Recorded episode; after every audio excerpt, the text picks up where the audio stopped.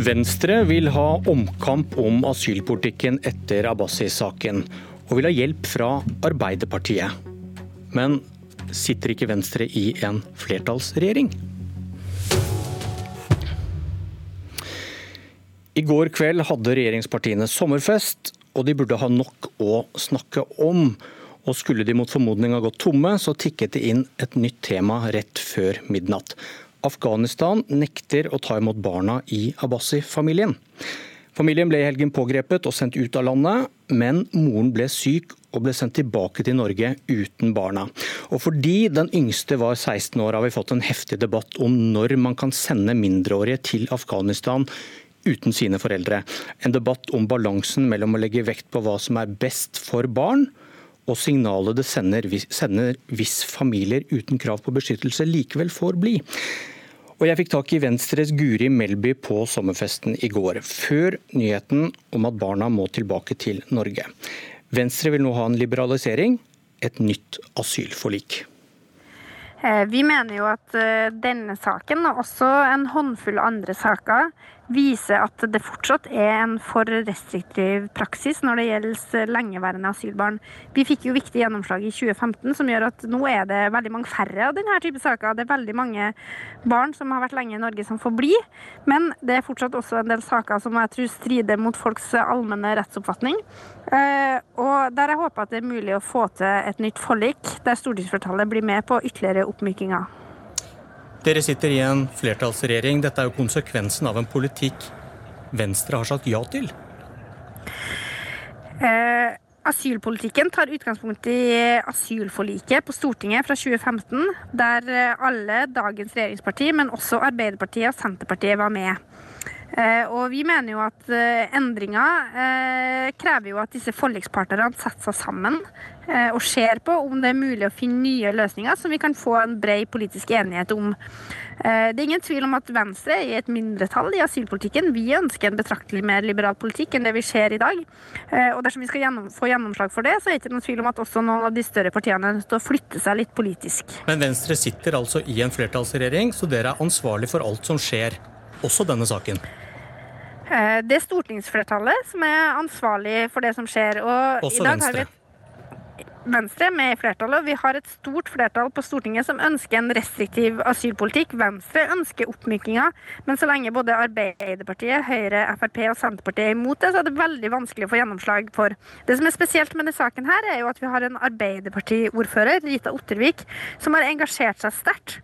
Eh, som har sendt en oppfordring til Trine Skei Grande og Kjell Ingolf Ropstad om, om å få til regelendringer. Eh, og eh, min utfordring går jo tilbake til Arbeiderpartiet. For hvis vi fra KrF og Venstre skal ha noen sjanse til å få til regelendringer, så er vi nødt til å ha Arbeiderpartiet med oss. Hvis Arbeiderpartiet blir med, så er jeg helt sikker på at også de andre partiene blir med og setter seg ned og ser på om det er mulig å finne løsninger som gjør at vi slipper denne typen saker i framtida. Det du nettopp sa nå, er ikke det bare en illustrasjon på Venstres avmakt, hva dere ikke får til med Fremskrittspartiet i flertallsregjering? Um da de rød-grønne styrte, så hadde vi en mye strengere politikk på lengeværende asylbarn enn det vi har i dag. Nå er det sånn at alle barn som har bodd i Norge i fire og et halvt år, som hovedregel faktisk får bli. Sånn var det ikke da Jens Stoltenberg var statsminister, Arbeiderpartiet, SV og Senterpartiet satt i regjering. Så vi har fått til en del oppmykinger, mens vi har sittet både eh, som en del av regjeringas maktgrunnlag i Stortinget og som regjeringsparti. Men vi har ikke noe sjanse til å endre asylpolitikken alene. Dersom vi skal få flertall for politikk, så er vi også helt avhengig av at partier som Arbeiderpartiet og Senterpartiet endrer syn foreløpig, så at de viser vilje til det. Men dersom de viser vilje til det, så ønsker vi å sette oss ned rundt samme bord og se om det er mulig å få til et flertall for en annerledes politikk på dette området. Men nå svarte du med gjennomslaget dere fikk i Granavolden. Og igjen er ikke denne utfordringen til Arbeiderpartiet en perfekt illustrasjon på Venstres avmakt. Dette får dere ikke til i flertallsregjeringen deres. Venstre har fått store gjennomslag når det gjelder politikken for lengeværende asylbarn. Det fikk vi til i asylforliket i 2015, og vi ønsker å få til det også i et nytt forlik. Eh, men eh, det er klart at vi har dessverre et flertall mot oss i asylpolitikken. Både Høyre, Frp og Arbeiderpartiet og Senterpartiet ønsker en svært restriktiv politikk. Dessverre så har innvandringspolitisk talsmann Masud Gharahkhani i dag egentlig avvist uh, å gjøre oppmykinger.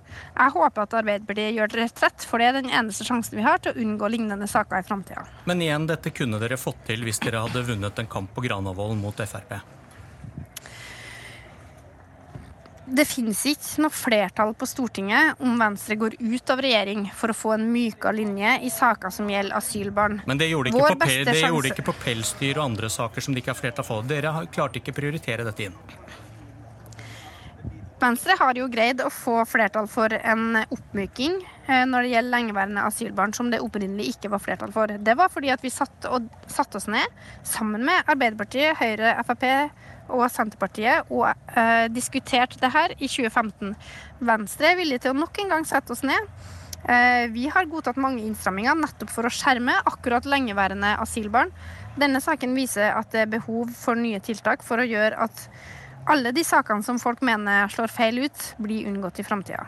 Til slutt kommer du på et annet parti i regjering som vil ha omkamp om noe dere i regjeringen var enige om for ikke så lenge siden?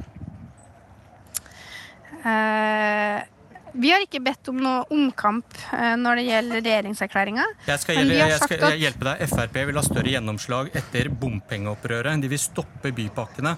Og hva svarte dere da? Vi har sagt at dersom det finnes et flertall på Stortinget for en annen politikk, så ønsker vi å sette oss ned og diskutere det.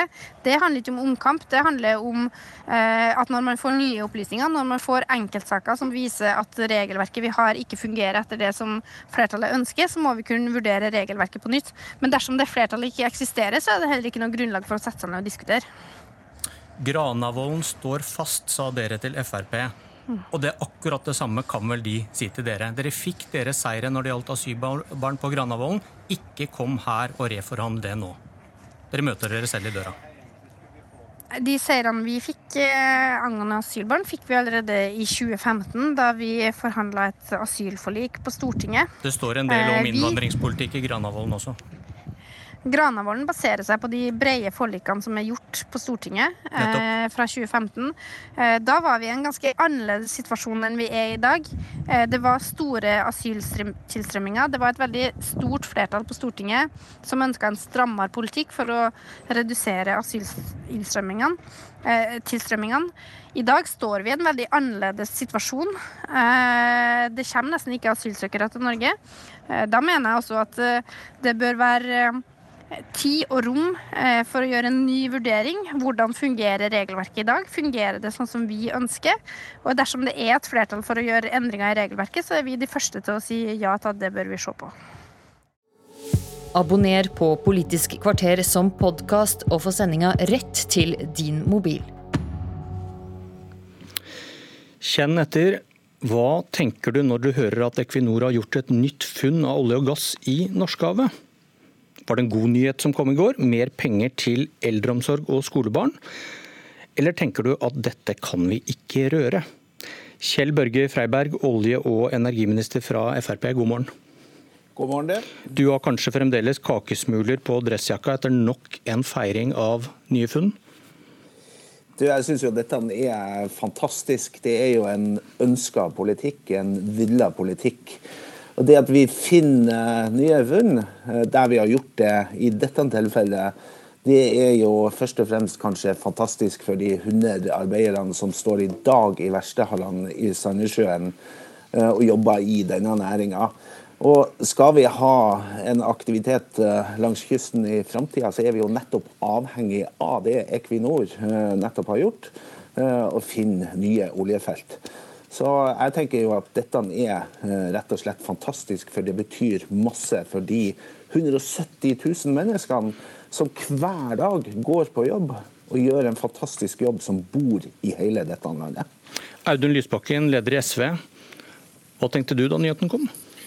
Altså, Det er dessverre ikke lenger en eh, god nyhet for Norge å leite etter å finne mer olje. Rett og slett fordi eh, vi går inn i en framtid der eh, store deler av disse ressursene ikke vil kunne utvinnes. Det er allerede funnet mer olje, kull og gass i verden enn det vi kan brenne hvis vi skal unngå klimakatastrofe. Og Nå ser vi hvor akutt denne problemstillingen er. og Norge har to interesser. For det første så må vi kutte utslipp raskt. For det andre så må vi også raskt gjøre vår egen økonomi mindre oljeavhengig. Og Det er jo egentlig en politisk konkurserklæring ministeren kommer med her. For Hvis du sier at eh, aktivitet langs kysten i industrien vår er avhengig av nye oljefelt, og vi samtidig jo vet at vi må bli mindre oljeavhengig, så har man gitt opp. da. Vi er nødt til å komme i gang med en ny industri- og teknologipolitikk, en ny grønn deal som gir liv langs kysten med mindre oljeavhengighet. Eh, og Da kan vi ikke fortsette å pumpe de store pengene inn i å finne mer og mer. Ja, og For ikke lenge siden så fikk oljeindustrien 90 nye blokker der de kan lete. og Hvorfor reagerte dere i SV så kraftig på det? Altså, for det første mener vi at det er å det nærmest gjøre narr av de ungdommene som har gjort klimaopprør denne våren, fordi regjeringen demonstrerer at de egentlig ikke tar dette på alvor. og Når det kommer til stykket, så er det alltid oljedirektørene og storkapitalen sine interesser som velges. For det andre så er det altså sånn at Hvis vi skal ha en troverdig strategi for norsk næringsliv og industri, så vet vi at om ikke veldig mange år så vil verden begynne å kutte utslipp for alvor. Da vil etterspørselen etter fossil energi falle. Da er det veldig uklokt å investere stadig mer penger i olje som ikke vil kunne utvinnes før langt inn i en framtid, hvor vi må være på vei bort fra den fossile økonomien. Og Det betyr at Freibergs strategi er dårlig klimapolitikk, men det er faktisk også dårlig økonomi økonomisk politikk og dårlig næringspolitikk for Norge. Ja, Freiberg, til dette begrepet da, som eh, Lysbakken er innom, klimarisiko. Faren for at Norge bruker masse penger på noe som klimapolitikken kanskje gjør ulønnsomt. Eh, hva slags vurderinger gjorde dere opp mot disse 90 blokkene? Altså, klimarisikoen i den aktiviteten eh, som vi har på norsk sokkel, den vurderes jo ved hver utbygging i hvert enkelt prosjekt.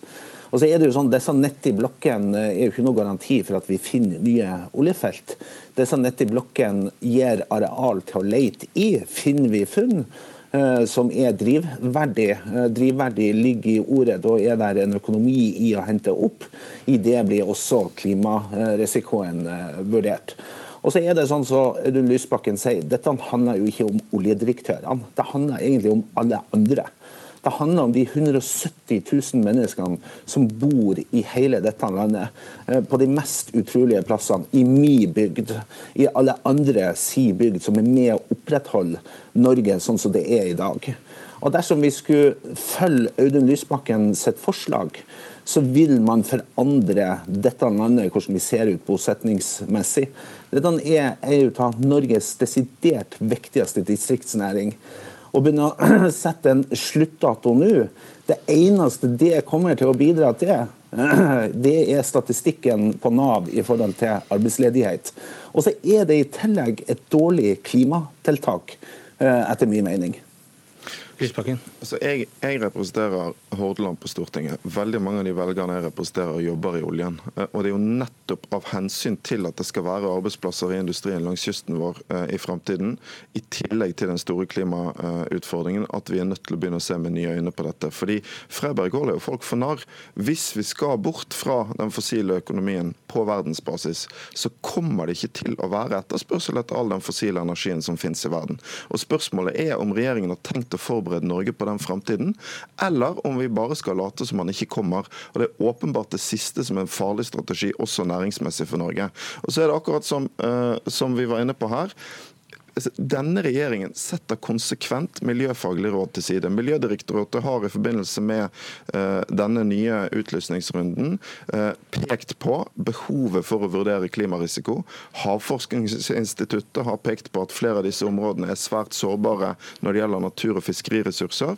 Men denne regjeringen lytter kun til oljedirektørene, overkjører miljøfaglige råd igjen og igjen og igjen. Og det er uansvarlig. Freiberg, hører dere på disse miljøfaglige rådene fra deres egne eksperter? Selvfølgelig gjør vi det. Eh, det gjør vi hver dag. Vi lytter til Miljødirektoratet, vi lytter til alle andre direktorat eh, som er inne. Og så er det sånn at TFO 2019 er jo kanskje det beste eksempelet på at vi nettopp gjør det. Eh, der tok vi hensyn etter innspill, fordi at det lå ny informasjon på bordet. Bl.a. i forhold til fiske av hyse i Barentshavet. Og så er Det sånn at det er jo ikke sånn at vi sitter i Oljedepartementet og plutselig finner ut at nå skal vi lyse ut, eh, eller legge ut, nytt område eh, på norsk sokkel, sånn helt plutselig. Dette er omfattende prosesser. Det er forvaltningsplaner som ligger til grunn. Og det er jo Stortinget som har sagt oss, at disse områdene skal være tilgjengelige. Nye funn betyr nye debatter i framtiden også. Dette var et politisk kvarter. Jeg heter Bjørn Myklebust.